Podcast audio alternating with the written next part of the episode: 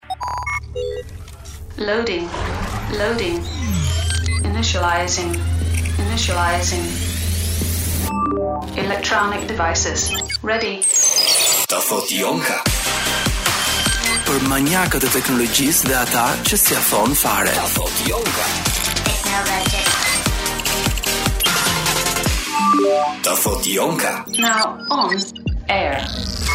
Uhu, juhu, mirë mbrëma të gjithë juve që jeni sinkronizuar në Top Albania Radio Filloi përsëri edhe këtë të hënë emisioni i dedikuar vetëm teknologjisë Ta thotë Jonka që mos të kish kuptu mirë, nuk do bëjmë kshu leksione uh, mësime të orës fizikës, jo, do bisedojmë për gjëra të cilat uh, na bezdisin ose nuk na bezdisin, na emocionojnë ose jo, se n'daç kemi demokraci, në jetën tonë të përditshme Meqë ra fjala te jeta jonë e përditshme, ç'duhet të bëjë, Wizi hi, përshëndetje, puliti sytë dhe më tregoi që ja të bëndë gjonë, ç'duhet të bëjë një i ri, i cili bën dyzet punë, plako, jo në radio, në TV, njërën tjetrën, mundohet të bëjë dhe një çikë teatr që të ofrojë një çikëz kulturë nga sa mundet, shkon në shpi dhe nuk gjen ujë, a e kupton ça është? Nejse ç'na duhet ne se çfarë bëhet në Tiranën e 2021-shit, hajde flasim një çik për të ardhmen në vendet e tjera të botës. Sot njerëz të dashur do flasim për 5G. Atë gjën për të cilën uh, kur u prezantua së pari ose të paktën mori atë valën e parë të të vëmendjes, le të themi, uh, edhe shqiptarët sikur u, u tmerruan një çik nga kjo ide. Madje dolën edhe në protestë, bo bo bo. Nuk dalin për gjëra të tjera, dalin për 5G. Megjithatë, por plotësisht e lirë uh, që të protestosh për kauzat e tua të preferuara. Një gjë të cilën ne këtu po e marrim vesh kto kohët e fundit, e nga ana tjetër ende nuk e kemi të implementuar, por bota ka të paktën një një dekadë, ndërsa Fernando Alonso thotë që ne kemi 17 vite që e përdorim në Formula 1. Për këtë dhe të tjera do flasim pak më vonë. Nga ana tjetër nuk do jem vetëm unë Jonka që do të flas juve për ato çfarë unë kam lexuar e studiuar për 5G. Do të kemi edhe një teknik të Një ekspert të telekomunikacionit si i quajtur Besmir Selmanaj në një lidhje direkte nga Austria. Sot do të kemi dhe atë sondazhin tonë mit apo e vërtetë që ka të bëjë me ç'mbaj mend unë me megapixels. Kur ti blen një smartphone, uh, mediat të vënë aty një numër dhe thonë sa më shumë megapiksel të ketë kjo kamera e këtij smartfonit, aq më e mirë është uh, performanca që ai do të dhurojë. Ju si mendoni, a është ky një mit apo është një e vërtetë? Përgjigjen tuaj mund ta jepni tek Top Albania Radio në Instagram. Nga ana tjetër do flasim sot për personazhin e ditës, i cili është Bill Gates. Pse jo, për t'i dhënë një çik akoma më shumë zjarr këtyre teorive konspirative. Uh, Alfred Cakon që s'na dëgjon, e përshëndesim edhe kësaj radhe. Dhe sigurisht do të kemi dhe konfliktin Android versus iOS. Përse fotot e uploaduara ose edhe videot e uploaduara uh, në Instagram nga iOS-i, nga një iPhone dalin më mirë se ato në Android. Shpjegimin tuaj si e mendoni ju me fjalët tuaja, Mund ta jepni edhe një herë në Instagram, në faqen tonë Instagram, në Top Albania Radio. Unë do ja lë fjalën Wizit, do rikthehemi, do t'ju futem tamam tamam në detaje se çfarë është 5G-ja dhe të gjitha ato gjëra të tjera për të cilat të dërdëllita deri tani. Para se të shkojmë tek uh, definimi i asaj se çfarë quhet 5G, le ta uh, le ta le ta shpjegojmë në, në pak fjalë të thjeshta se çfarë janë uh, dy, çfarë është pesa dhe çfarë është G-ja. G-ja po e dimë që është gjenerata dhe me gjeneratë i referohemi gjeneratës së telekomunikimit dhe për të shkuar tek 5G-ja le ta shpjegojmë në fillim fare se si arritëm deri këtu.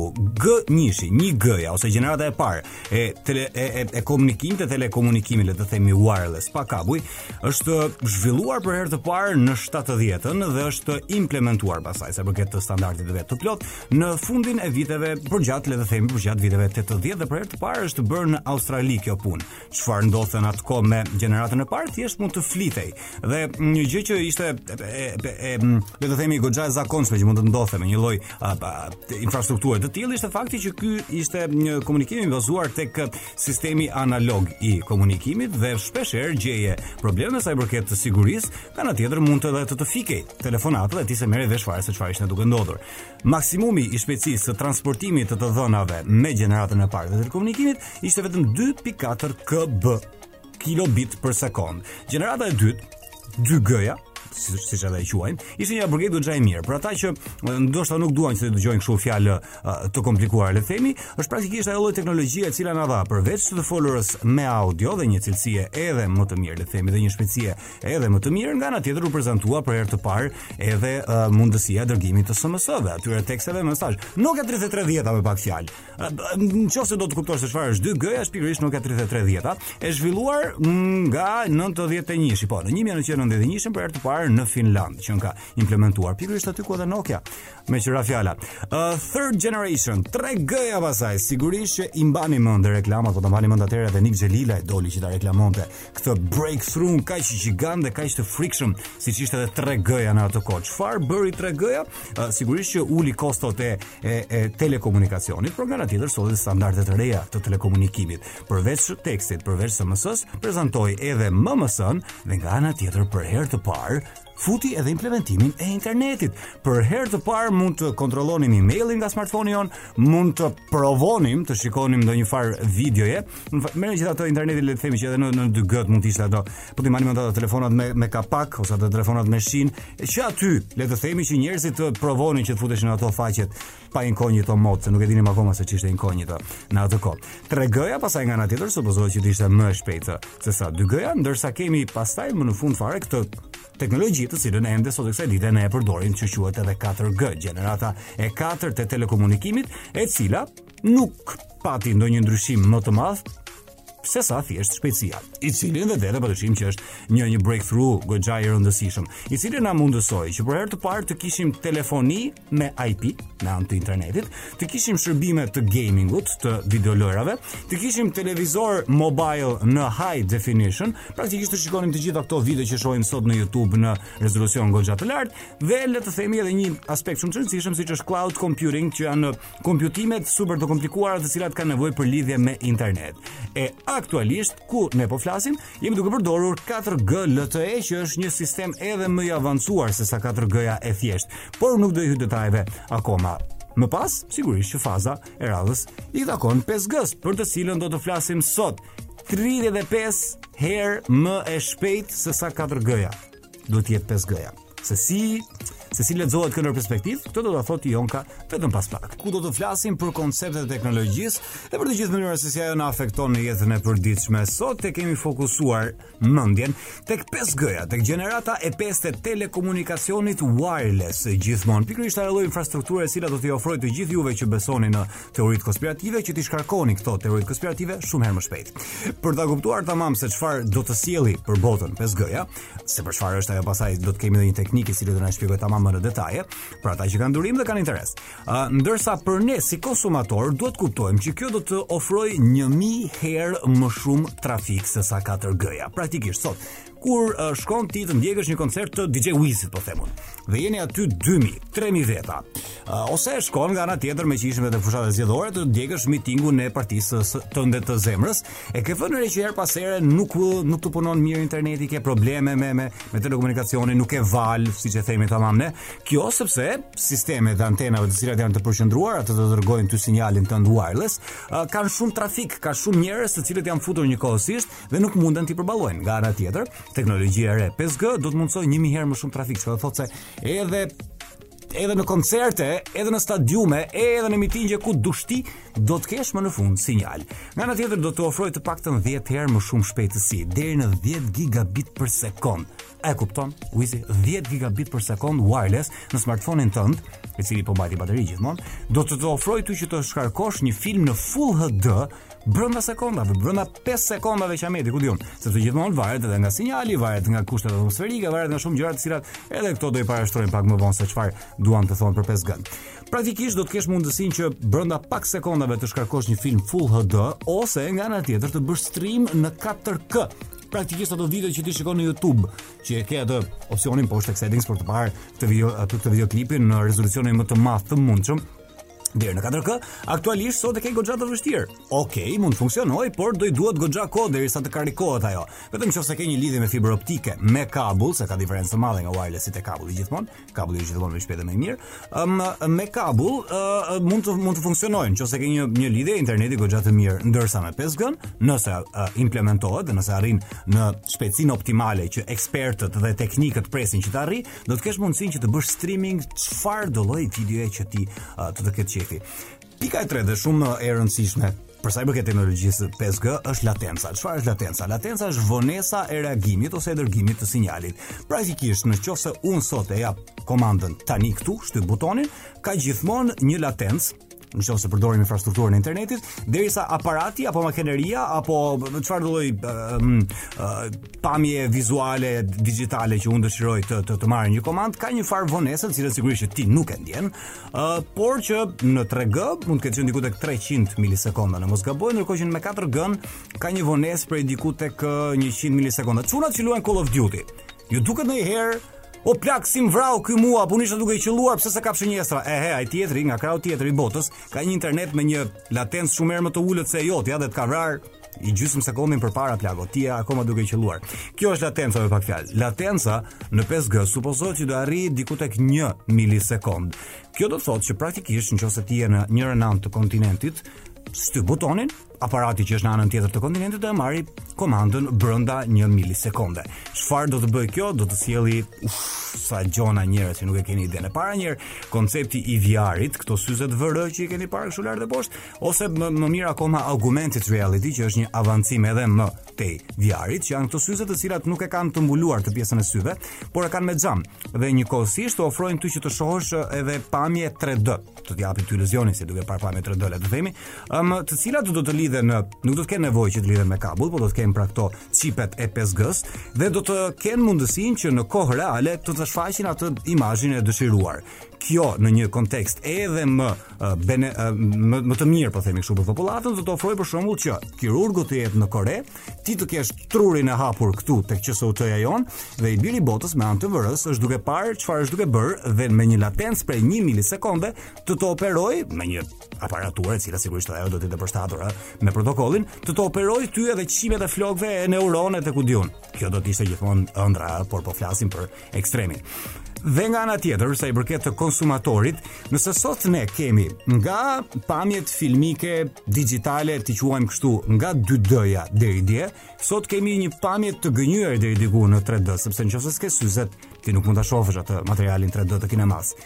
Ajo çfarë Intel ka prezantuar përpara 3 ose 4 vjetësh në mos gaboj, është marrja e materialit në 3D. Pra, dy dimensione aktualisht mund të filmojnë kamerat, lartësinë dhe gjatësinë. Nga ana tjetër, Intel ka prezantuar një lloj aparature ose një lloj sistemi, ta themi më mirë, i cili mund të marrë edhe një dimension të tretë, i cili është praktikisht është një ndeshje futbolli në NFL-n e tyre të famshme, e rrethojnë të gjithë stadiumin me kamera të afta për të marrë këtë lloj teknologjie të, të, të caktuar dhe ti mund ta shohësh aksionin nga perspektiva e filan lojtari, nga perspektiva e portierit të njërës e tjetrës. Ama kjo lloj teknologjie ka kërkon, le të themi, procesim të dhënash 1 terabajt në sekond.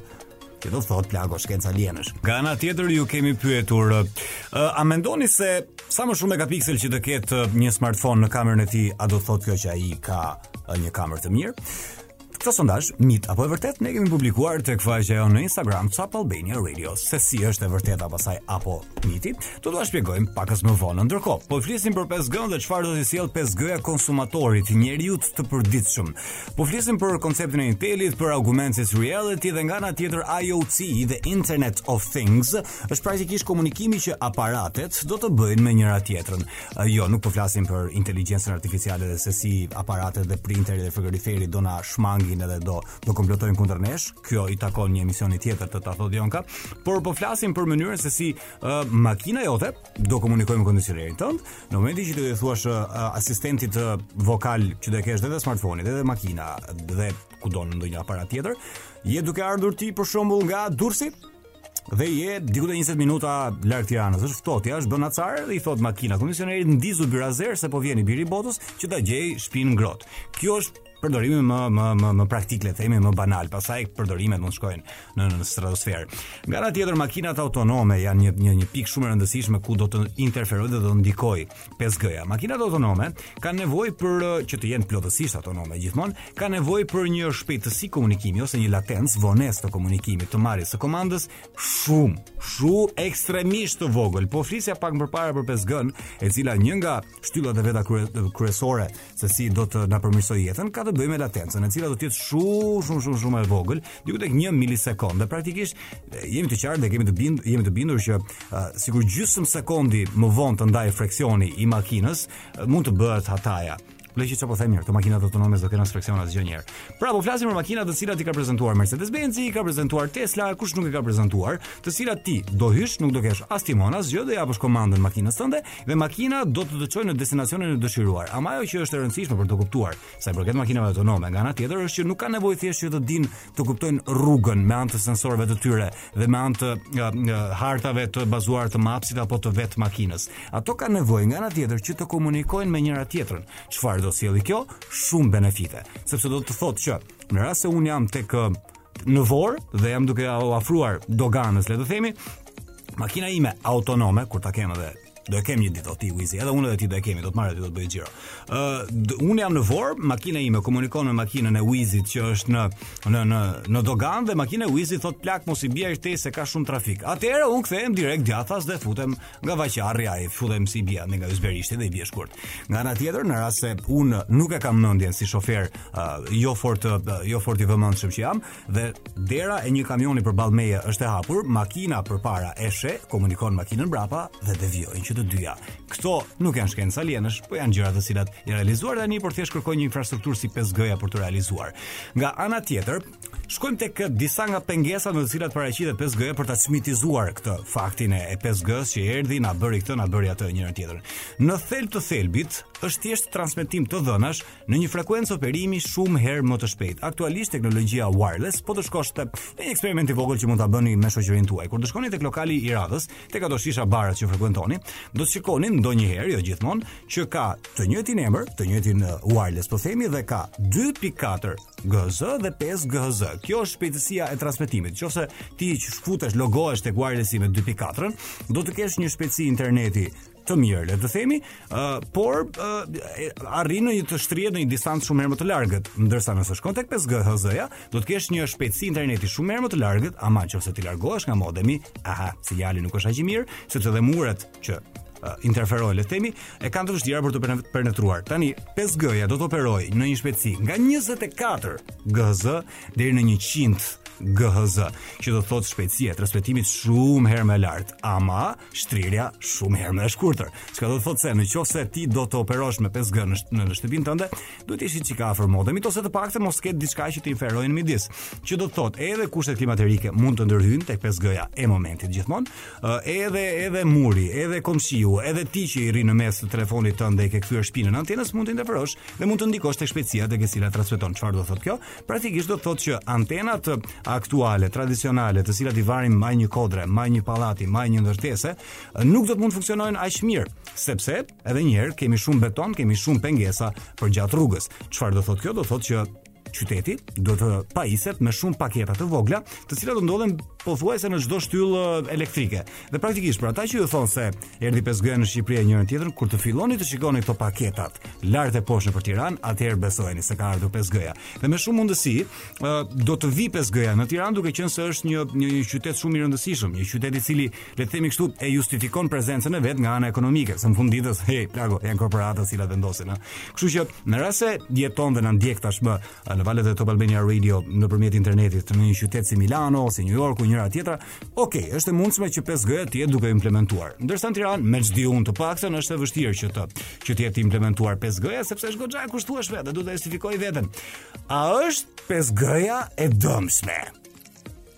Kam një informacion të shkurtër fare.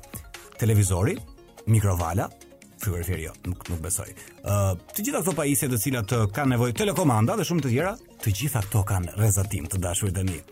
5G-ja nuk është se përbën një diferencë të madhe nga kjo. Këtë nuk ua them unë, ua thotë Fernando Alonso, të cilin e ndoqa në Barcelona Mobile World Congress në 2018-ën dhe keynote-i fjala kryesore kishte të bënte me 5G-n. Dhe Fernando Alonso që thotë, shoferi i McLarenit në atë kohë, nuk e di ku është tani, Ne kemi 17 vjet që e përdorim 5G sepse McLareni përpara një gare bënte diku tek 20.000 simulime se ku mund të merret kjo kthesa, sa shpejt merret kjo kthesa e njërën tjetrën. E për më tepër, ka nevojë i biri i botës në atë shpejtësi skëterrë të mos i shkëputet kontakti ore me, me, me ata njerëzit që ka aty te kabina e pilotimit e njërën tjetrën. Kur le të themi vala e parë e, e, e vëmendjes për 5G-në erdhi, ishte në kryeqendër të diskutimeve se demek i biri i botës do na instalonte nga një çip 5G-je të na kontrollonte lokacionin ku ndodhemi e njërën tjetrën. Informacion Flash News, tashmë e dinë se ku je plako më nëpërmjet smartphone-it tënd.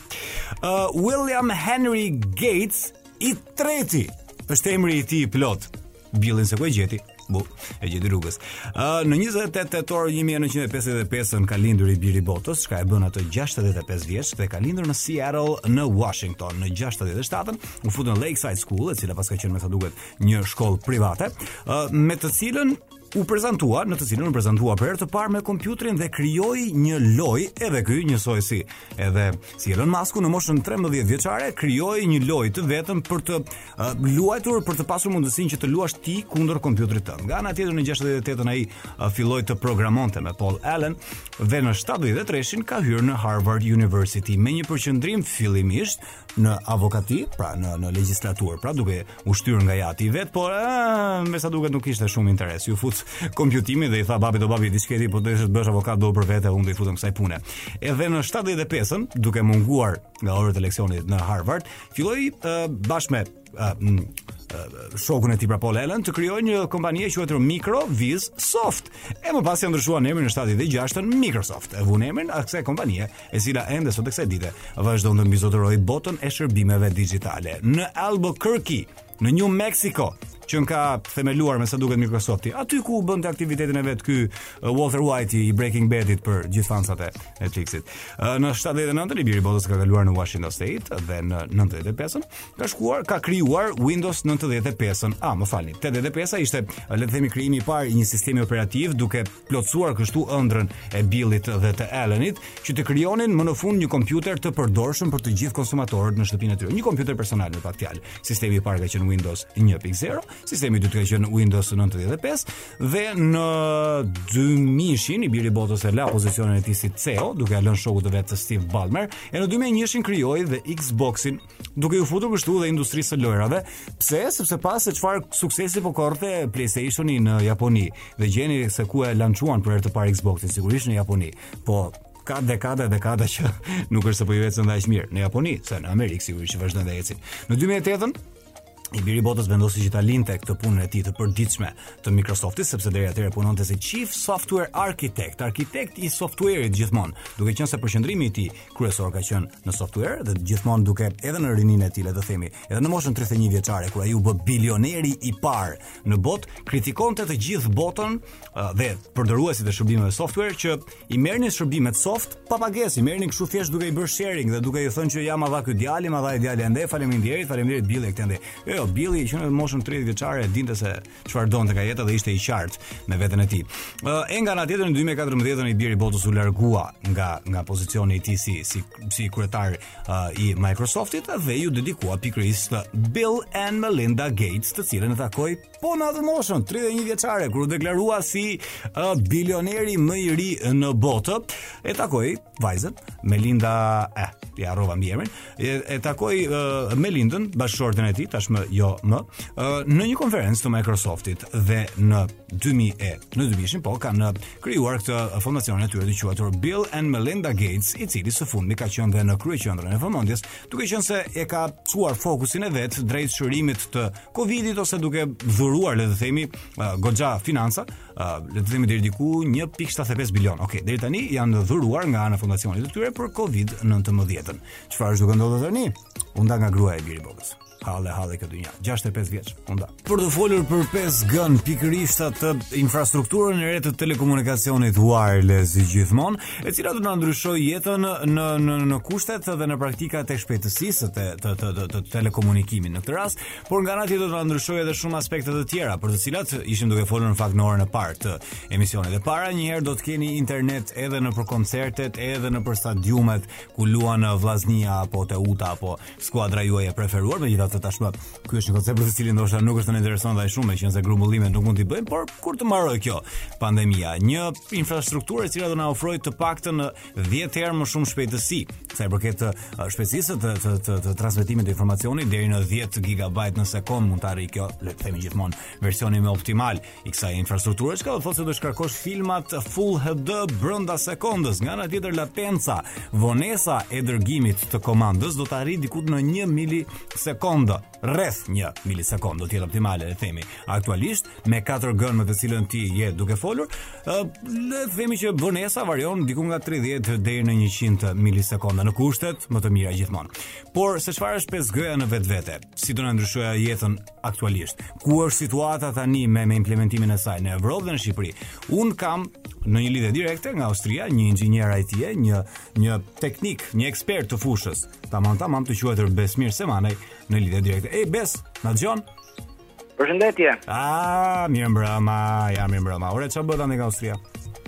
Mirë, ja si në si me Covid. Ashtu ha? Karantinë, Tani po fillon hapja. Me dal nga dal. Ne këtej nuk kemi pandemi plako. Ktu s'ka as bllokime, as mbyllje, as gjë. Pastaj ora 10 sikur na mbyllin çik po. Veç përveç kësaj nuk ka gjëra të tjera. Ajde. Para dy javësh isha në Shqipëri dhe shijova kafen pas shumë muaj. A të keqen, ore, ishe këtu për të bërë uh, shërbimin prej uh, prej patrioti tamam për të votuar mo, ha? prej qytetari të ndërgjegjshëm. ju ju të Koplikut shumë patriota mo burrë dhe ç'bëhet. o bes, dëgjo, të kemi ftuar sot për të folur për për një fushë tënden, e, e cila me thënë të drejtën për fat të keq nëpër mediet shqiptare nuk para flitet shumë le të themi, që është telekomunikacioni. Të kemi ftuar për të marrë një një opinion prej tekniku dhe prej eksperti. e para që t'ua shpjegojmë dhe... njerëzve dhe atyre që nuk nuk të njohin, çfarë të lidh ty me 5G, çfarë të lidh ty me telekomunikacionin? Ë, uh, atëherë un kam 2 vite që jam larguar në nga Shqipëria në fakt dhe për 10 vite kam punuar në një nga kompanitë më të mëdha të telekomunikacionit në Shqipëri ku kam mbajtur pozicione të ndryshme. Pozicioni i fundit ka qenë si menaxher. Mm -hmm. Pra kam një karrierë shumë të gjatë në telekomunikacion. Mhm. Mm Dhe aktualisht me çfarë je duke u marrë aty në Austri? Prapë në profesion e ja apo ja. Jo? Në profesion por tani po merrem me krimin me krimin kibernetik. Me krimin? U, oh, se, u, oh, se, se, se. Më mirë, do të të marr prapë ndonjëherë kur të kemi kështu temash po. Okej. Okay. Uh, dhe ne sot kemi ftuar për të folur për 5G. Si do e përkufizoje ti 5G? Çfarë është 5G? Çfarë ndryshon 5G-ja në lidhje me 1, 2, 3, 4G? Atëherë në qoftë se nisim që nga gjenerata e parë, le të themi, mm -hmm. një G ose G, mm -hmm. ku qytetarët ose përdoruesit kishin të mundur thjesht të flisnin në telefon, pastaj në gjeneratën e dytë kishim shtimin gjithashtu dhe të SMS-ve, mm -hmm. në gjeneratën e tretë u shtua dhe interneti. Okay. Kurse gjenerata e katërt dhe pas gjeneratës 4, le të themi faza 2 të gjeneratës 4, e cila ishte LTE-ja, mm -hmm. bëri rritjen e kapaciteteve të transmetimit. Kurse 5G-ja aktualisht mund të themi që është një breakthrough, mm -hmm. pra kemi kalimin nga nga transmetime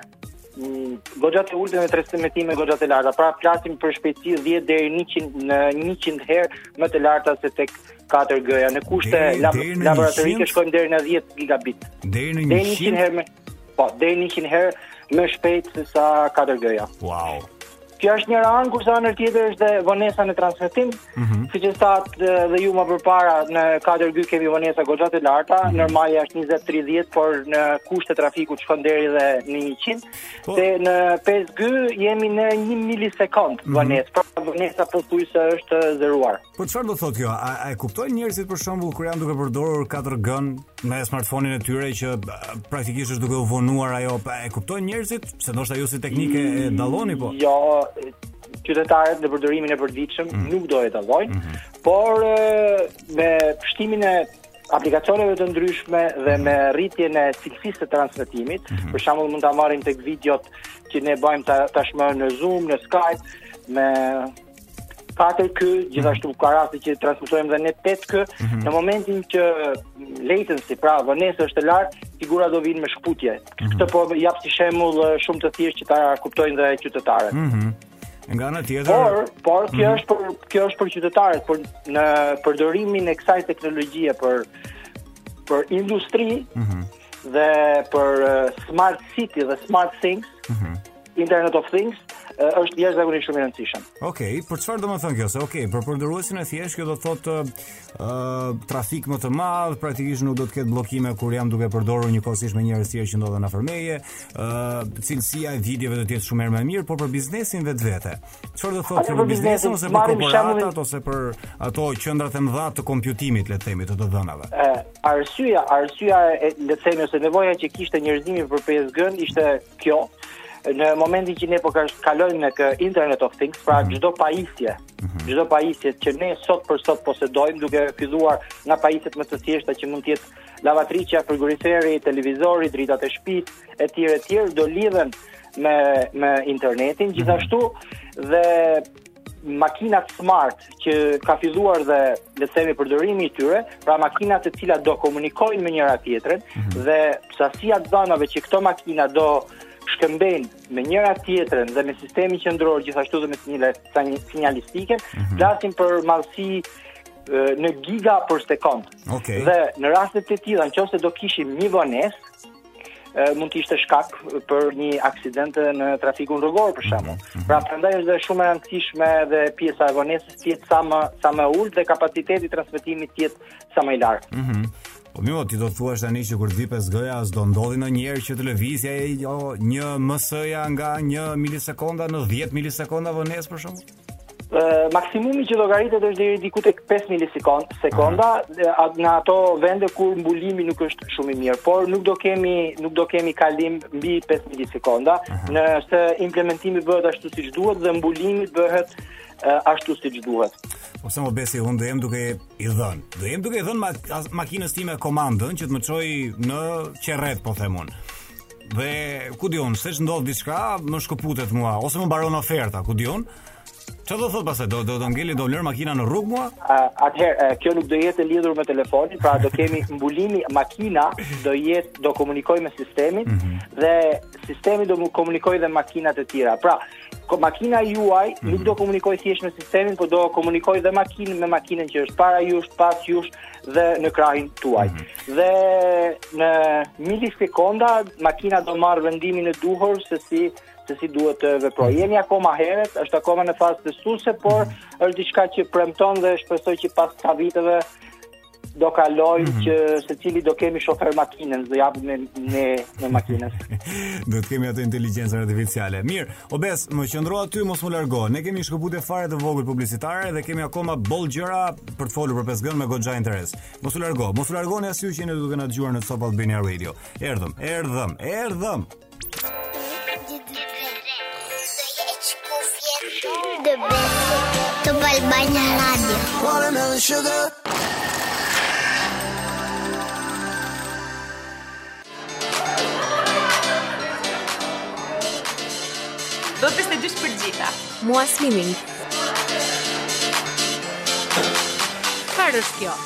Ky nuk është B pesëdhjetë e dy origjinal. Stop mashtrimit të konsumatorit me produkte false.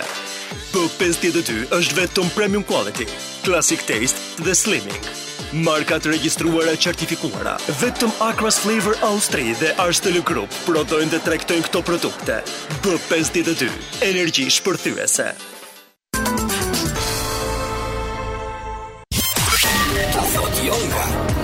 Electronic devices. Ready.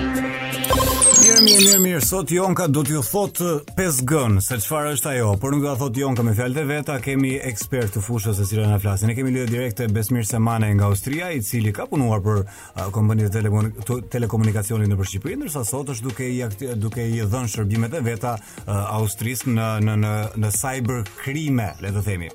Besi, po flisnim për për avantazhet e 5G-s në lidhje me me me shpejtësinë e qarkullimit të të të të dhënave, le të themi. Por që të kthehemi edhe një herë shpejt e shpejt dhe shkurt, besoj unë në në gjenezën e saj.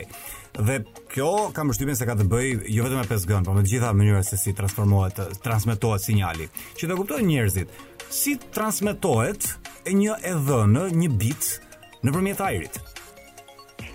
Atëherë kemi brezat mm -hmm. në të cilat frekuenca, le të themi frekuenca sikur është frekuenca e zërit, sikur është frekuenca e dritës, mm -hmm. kanë brezat e caktuar. Brezi 5G, brezi në cilin është llogaritur të përdoret 5G-ja, mm -hmm. mund të shkojë deri në 100 GHz, por aktualisht e implementuar është në brezin, është në brezin ë në Gjermani për shembull po ta marrim si shembull është e implementuar në brezin 1.8 GHz deri në 3.5 GHz, që do të mhm. thotë është më poshtë se transmetimi Wi-Fi që kemi sot në mbulimin e qyteteve. Okay. Kurse në Shtetet e Bashkuara e kemi në frekuenca më të larta, shkon deri në 39 GHz. Por ky është wow. maksim maksimumi që është implementuar për momentin. Kemi dhe një problem le të themi, sa më shumë të rritet brezi i transmetimit dhe mbulimi është më i vogël. Pra shpejtësia mund të jetë më e lartë, por mbulimi është më i vogël. Nëse do kemi një antenë mbulimi më, më i vogël tani, si që nga kjo, kjo demek gjeneratë më e shpejtë dhe nga ana tjetër na na jep jo, mbulim më të vogël. Nuk, nuk ka të bëjë me gjeneratën, ka të bëjë me frekuencën, pra me brezin i cili të mm -hmm. përdoret, sa më shumë rritet frekuenca është në përpjesëtim të zhdrejtë me distancën. Okay. Ulet distanca. Kur transmetimi në breza shumë të larta në përgjithësi bëhet për qendra qytetesh, për ndërtesa, për rrugë nacionale, pra nuk do jetë i përfshirë për mbulimin e fshatrave le të themi. Por dhe në frekuenca më të ulta që është 1.8 deri në 3.5 mund të arrijmë shpejtësi shpejtësi shumë të larta. Mhm. Dhe ja, meqë më more edhe shembull Amerikën, Gjermani, praktikisht, ku është bota me implementimin e, e 5G-s? është e afërt dita ku njeriu do ndezi telefonin e tij, i cili nga media sot reklamohet fuqishëm, shiko se kemi smartfonin 5G, 5G, 5G, do dali njeriu sot ta përdori rrugëve të Tiranës 5G-në, në një të ardhme jo fort të largët? Besoj dhe shpresoj që nuk do jetë shumë e largët e ardhmja për përdorimin e saj edhe në Tiranë. Mm. Besoj që e, pengesa vetëm është vlera e investimit, duke u ndikuar dhe nga pandemia kompanitë si thua kanë kaluar në një formë kursimi, mm -hmm. kurse aktualisht në Austri ne jemi duke përdorur 5G. Okej. Okay. Pra kemi rreth 1000 1000 antena site le të themi që janë të cilat janë të, të implementuara në Austri dhe mendohet që deri në vitin 2025 do kemi mbulimin total të territorit të Austrisë. Kurse Gjermania është shumë shumë më përpara. Mm -hmm. Aktualisht në Gjermani kemi diku tek 60 milion banorë, të cilat të cilat kanë qasje në rrjetin 5G. Pra si, si. të gjitha ato persona që kanë pajisje celulare mm -hmm. capable, pra që ka, ja mundësojnë të lidhen në këtë network, mm -hmm. mund të lidhen dhe mund të vazhdojnë përdorimin e 5G-s. Mm -hmm. Pra praktikisht një nga sfidat që që që paraqet për cilën edhe po më flisje ishte çështja e, e afërsisë me antenën që duhet duhet të kesh. Uh, do të thotë kjo që ne do e gjejmë në çdo pemë, në çdo karrige nga një antenë 5G?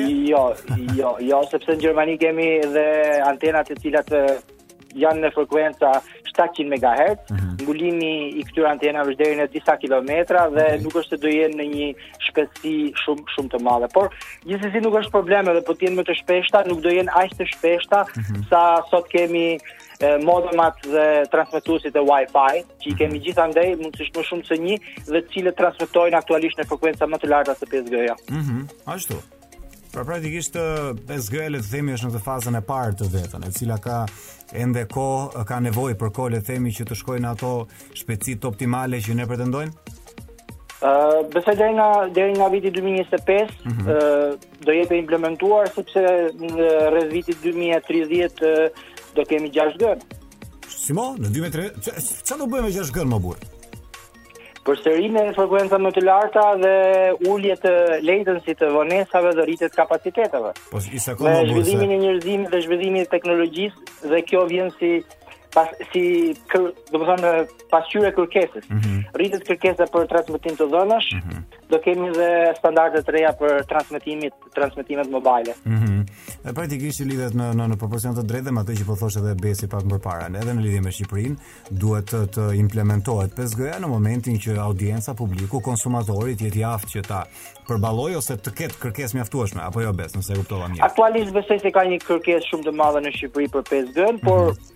Besoj që në qytetet kryesore, të paktën për mbulimin e qyteteve do realizohet Mm -hmm. Besoj se do ketë një vonesë më shumë se 2 vite, pra mm -hmm. pas 2 vitesh besoj që do kemi në Shqipëri para një viti e gjysëm diçka e tillë u bë dhe testi i 5G-së në Tiranë, mm -hmm. i mhm. cili rezultoi i suksesshëm. Okay. Nuk e di në çfarë faze janë aktualisht, por testet janë bërë dhe kanë qenë shumë të suksesshme. Mhm. Mm se ndonjëherë shikojmë kështu te Tek ajo pjesa e parë dhe sipër 4.5G e njërën e tjetrën, okay. Dhe në Amerikë, për shembull, një nga kompanitë më të mëdha aty u përfshi pjesë e një skandali në disa informacion ke 5G e është shënonin poshtë për të gënjyer njerëzin. Nuk e di, po kam frikë ndonjëherë, kam frikë ndonjëherë. Kjo është çështja e marketingut. Ah, okay.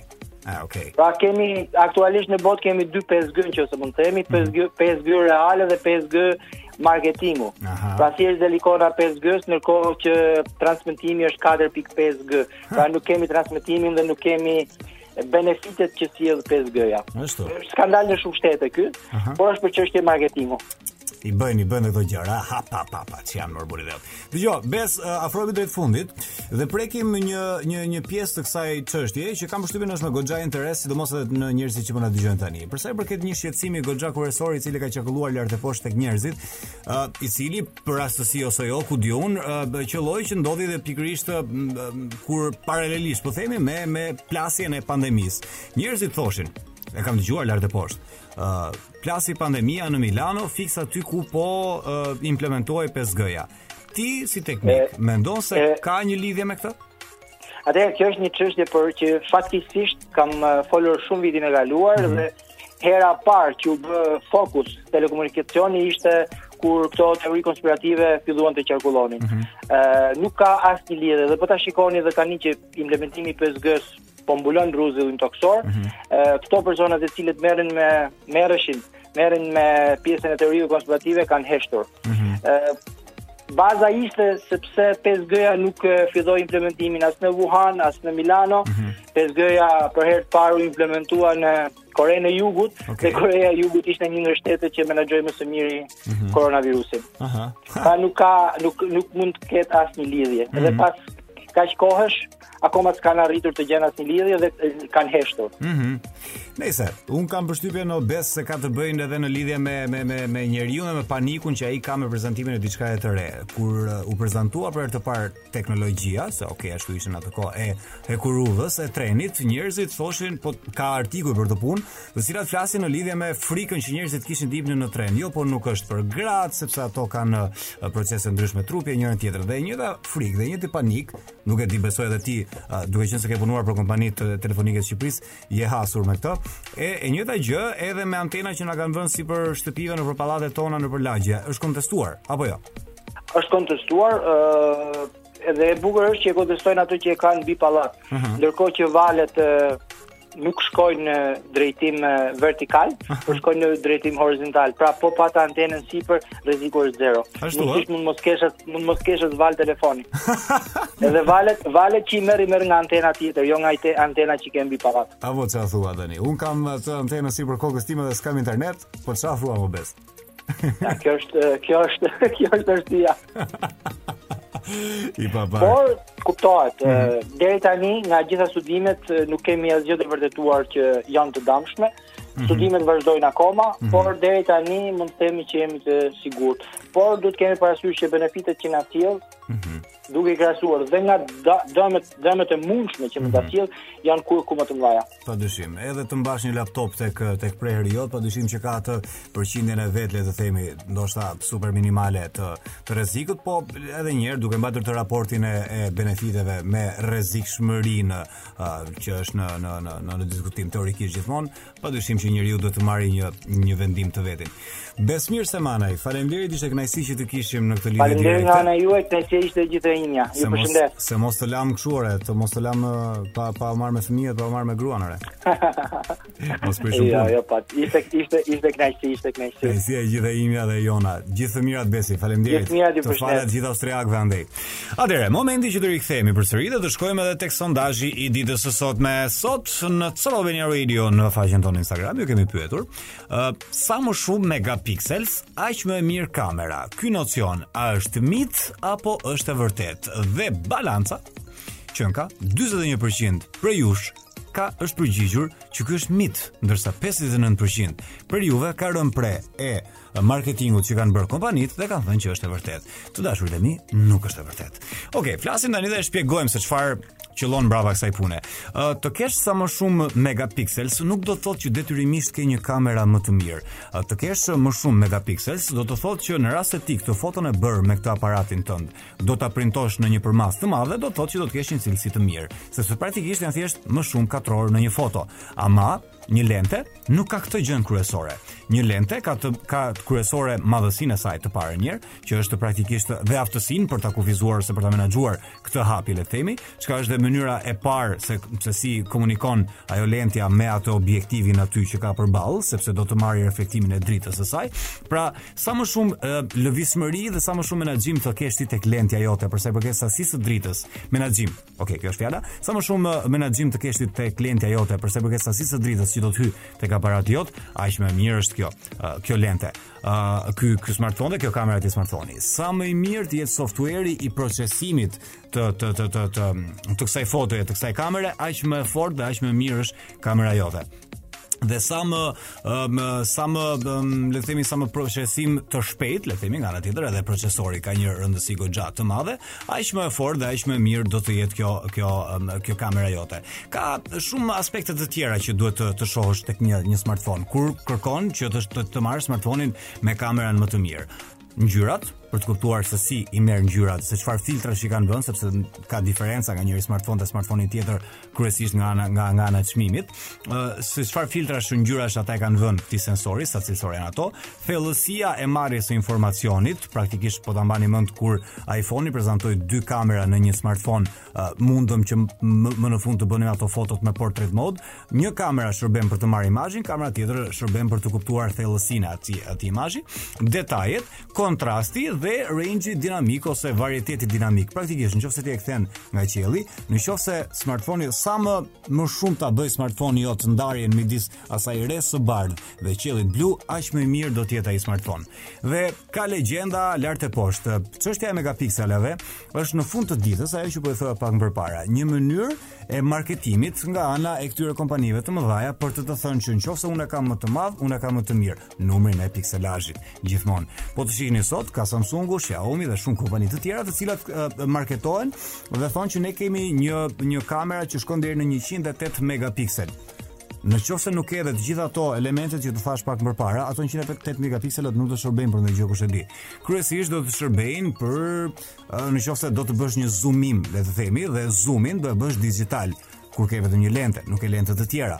Ë dhe zoomi digital bën një një një zmadhim të imazhit, le të themi, dhe sa më shumë të afrohesh te imazhi, këtu të hyn në punë megapiksela, le të themi. Po nëse nuk je agjent i FBI-së, Nuk është se të hyn shumë në punë që të kesh një kamera e cila bën një zmadhim të madh të, të figurës. Ndryshe nga kamerat DSLR, kamerat profesionale, quajtur ndryshe, të cilat e kanë optik zmadhimin, le të themi, duke mos humbur kështu detaje, duke mos u marrë shumë me megapikselet. Për krahasim, po ta mbani mend kur Samsungu ishte duke nxjerrë kështu kamera të çmendura me një numër pikselazhi goxha të lartë, iPhone-i nuk largohej më shumë nga 12 megapiksel. E në mos gaboj edhe sot nuk është se ka ndonjë farë uh, diferencë goxha të madhe. Diku tek 48 kiameti, nëse ka shkuar më shumë, uh, do jetë çudi e madhe sepse e bazon teknologjinë e vet, e bazon produktin e vet, e bazon fotografinë e vet më shumë tek procesimi, për të cilin unë kam kritikat e mia, sepse nuk të lejon që të futësh duart e ta bësh në mënyrë manuale atë që ti do, por e bën në mënyrë automatike duke të ofruar më të mirën e më të mirës. Duke bazuar këtu, duke bazuar tek um, sigurisht lentet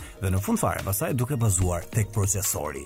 Njerëz të dashur, procesori, në qoftë se doni të kuptoni se cili është smartphone më i mirë, duhet t'i futeni procesorëve procesori më i fundit i uh, i, i iPhone-it ose nga ana tjetër le ta marrim smartphone-at më të fundit. kanë një procesor kryesor i cili bën procesimin, kompjutimin, llogaritjen e të gjitha proceseve të tjera që një smartphone ka nevojë dhe zakonisht kanë edhe një mini procesor tjetër i cili është i dedikuar të përpunojë vetëm kamerën. Pse?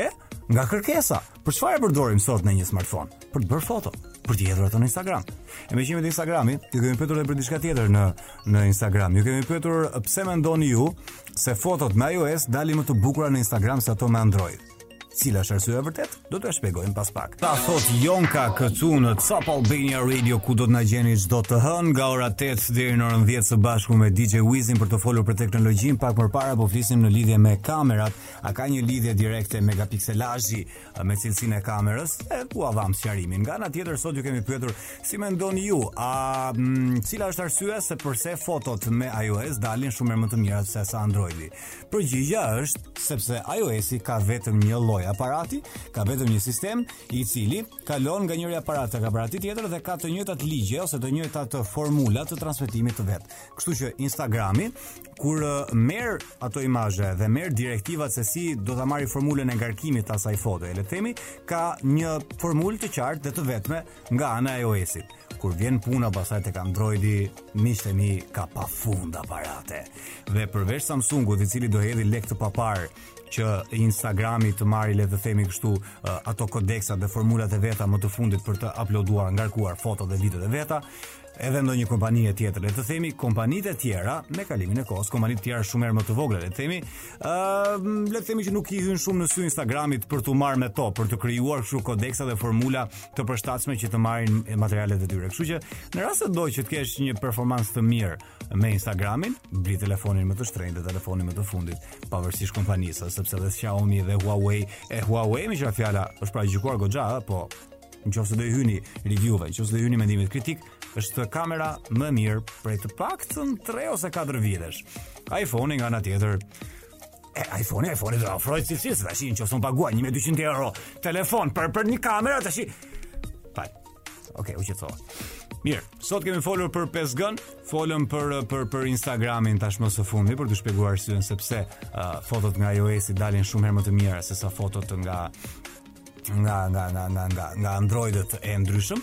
Folëm në lidhje edhe me megapikselazhin i cili nuk ka shumë të bëjë me cilësinë e një kamere dhe nga ana tjetër folëm edhe për 5G-n dhe për Bill Gatesin. Për Bill Gatesin si një shembull të mirë për të marrë për të marrë parasysh për një shembull suksesi dhe nga ana tjetër për të kuptuar se si gjenit lindin në botë, gjenit të cilët krijojnë lojrat e tyre në moshën 12 apo 13 vjeçare, siç ishte edhe rasti, rasti i Elon Musk, çfarë do të them me këtë, prindër të dashur, ju që po më dëgjoni, mos e çoni në kalçeto fëmijën tuaj, çojeni më shumë të mësoj se si të programoj, se nuk i dihet asnjëherë mund të bëhet biliarder nga dhoma e gjumës së tij, e, e, e gjumit të tij, për t'ju frymëzuar edhe juve një herë nga ana tjetër se si Harvardin, të cilin Bill Gatesi e mori diplomën në moshën 50 e ca vjeçare, dhe ja dha vetë Harvardi në fakt, nuk është se e mori aty, ai e la shkollën në mes, Për t'ju thënë që nuk ka shumë rëndësi institucioni tek i cili je, por ka rëndësi ti që të ndryshosh dhe të kërkosh shumë nga vetja. Dhe folëm sigurisht edhe për 5G-n, për këtë konceptin e ri të transmetimit të të dhënave, të cilat do të na ndryshojnë plotësisht mënyrën se si do të të telekomunikojmë me njëri tjetrin, do të na ndryshojë thellësisht mënyrën se si do të jetojmë, e do t'i mundësojë atij kirurgut, për t'ju rikujtuar përsëri shembullin e fillimit, atij kirurgut i cili ndodhet në Korenë e jugut apo të veriut, kush është demokratike nga ato, po jugu më duket, ëh. Njëra nga ato, ajo Republika Demokratike, aty, ok, po e lëm atë Korenë, po shkojmë në Japoni, atij kirurgu që ndodhet në Japoni, të të operoj shimet e hundës ty që ndodhesh tek spitali ushtarak i traumës këtu në Tiranë, sepse latenca dhe vonesa do të jetë shumë herë më e vogël. Uh, do të mundësoj që makinat të komunikojnë me njëra tjetrën, e do të mundësoj nga ana tjetër që atë videon ose atë ndeshjen e Champions League-s Ta shikosh në rezolucionin më të mirë të mundshëm nga smartphone-i jot. Njerëz të dashur kaq qe gjithçka që kemi përgatitur për sot. O zot, o zot i matin, valla kështu se spiker lajmesh. Jo, jo. Jo, unë kaq do të përshëndes, do t'ju lë takim tani të hënën tjetër prap tu në orën 8 deri në orën 10 ku do të flasim për Jo, jo, nuk u a them. Do jua them, do e merrni vesh me kalimin e kohës. Kuizo, ikema? Ikëm plako. Faleminderit që ishe me mu Izi. Faleminderit juve që qëndruat sot tu. Takohemi të hënën e radhës. Natën e mirë.